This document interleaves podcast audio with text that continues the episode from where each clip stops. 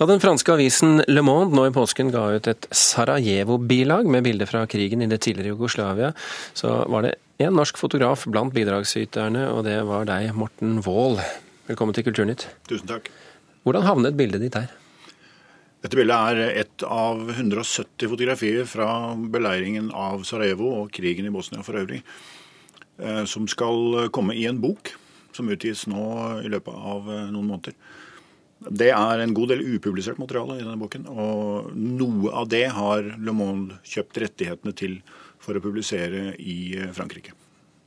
Hva slags bok er dette?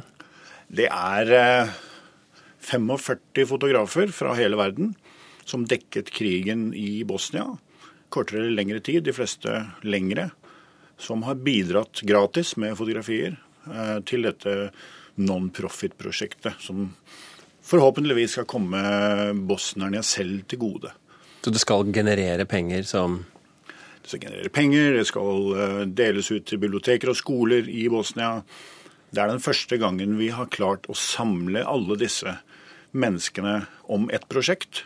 Det har vært utgitt en del bøker osv., men det har ikke vært gjort et slikt samlet prosjekt hvor hva skal vi si, den harde kjernen av internasjonale fotografer har gått sammen og gjort uh, dette. Dette bildet her er uh, en, Kanskje du skal beskrive det selv istedenfor at jeg gjør det? Det er et bilde av en ung pike som heter Irma Hajimuratovic. Hun og moren ble truffet av splinter fra en bombekastergranat i Sarajevo da de var ute og gikk. Moren døde på stedet. Eh, og Irma ble alvorlig skadet og ble liggende i koma. Jeg ble gjentatte ganger bedt om å fotografere henne. Eh, fordi legene på sykehuset der ville gjerne ha oppmerksomhet om henne, slik at de kanskje kunne få hjelp til å pleie henne eller få henne evakuert.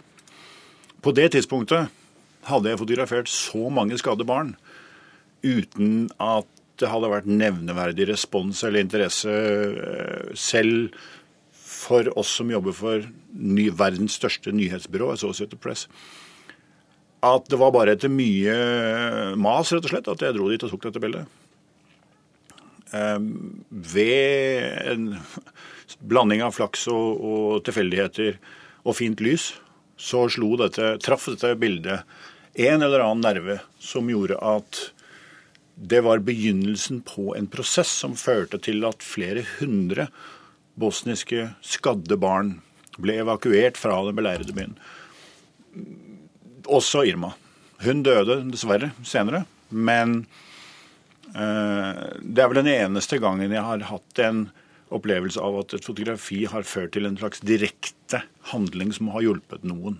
For vi snakker ikke bare om eh, at noen så det bildet, men det var, det var, ikke hvem som helst som så dette bildet heller?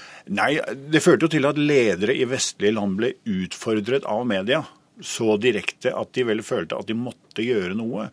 Og eh, det endte altså med at uh, først britene sendte inn uh, et fly med en minister og fløy ut Irma og hennes far. Og senere så gjorde altså da FN det de hele tiden hadde hevdet ville være umulig, nemlig å evakuere skadde fra Sarajevo gjennom beleiringen.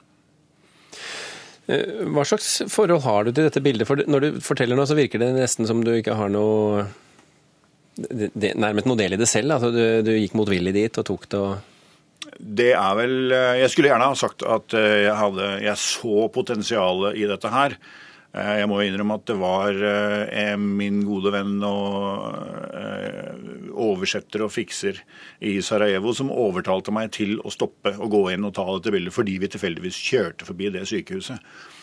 Han kjente noen der som gjerne ville at jeg skulle ta det. Eh, hadde jeg visst hvor mange trapper det var å gå opp, så hadde jeg sannsynligvis sagt nei. Eh, I kroppspansring og hjelm etter en lang dag med lite mat og osv. Og, og etter å ha bodd i byen i mange måneder, så blir man ganske sliten av å forsøke å formidle dette med, med skadde barn. Det er en uh, høy terskel for å publisere de bildene i media. Og det er vanskelig å nå frem med disse historiene uten å gjøre dem så tabloide at du mister nyansene i dem. Når det, når det er sagt, så, så, er det klart at da jeg så dette barnet som lå eh, på et laken som eh, var flekkete av blod, eh, og en, en sykepleierske der som ba om unnskyldning for at de ikke hadde rene laken å legge på. Eh, men de hadde gitt, lagt en dukke i hånden hennes. Hun var bevisstløs og våknet aldri igjen før hun døde. Men, men eh, da forstår jeg at her var det noe. Og lyset, fordi det ikke var vinduer dette sykehuset, det var bare plast som var satt inn i, stedet for disse utsprengte vinduene, så var lyset av en sånn karakter at det, eh, det ble et vakkert, perverst vakkert bilde. da. Jeg pleier å sammenligne det med å, å, gjøre om skrik til musikk, slik at folk makter å høre på det. Og det er det, Dette vil være et godt eksempel på det, at man må på en eller annen måte forsøke å formidle eh, på tvers av grusomhetene. Man ser ikke skadene Irma har på dette bildet. De var så forferdelige at da hadde ingen ville trykke det noe sted. Du, har, eh, du, bodde i Sarajevo i to år under beleiringen eh, der. Eh, nå har det gått 20 år siden den gang. Eller i hvert fall siden, siden de første skuddene falt. Hva sitter du igjen med av minner nå så lang tid etter? Veldig mange er veldig sterke. Noen veldig vonde. Jeg mistet mange venner der. Til å begynne med kolleger. Eh, og venner blant kollegene, selvfølgelig. Etter hvert som jeg var der eh, i måneder og år, så gikk jeg oftere i begravelser til mennesker jeg kjente, enn for å fotografere eh, og illustrere tapstallene. Det er klart det var en trist og vanskelig tid, men det var jo langt verre for de som bodde der og ikke kunne komme seg ut. Jeg valgte å være der. Det er viktig å huske oppi alt dette her.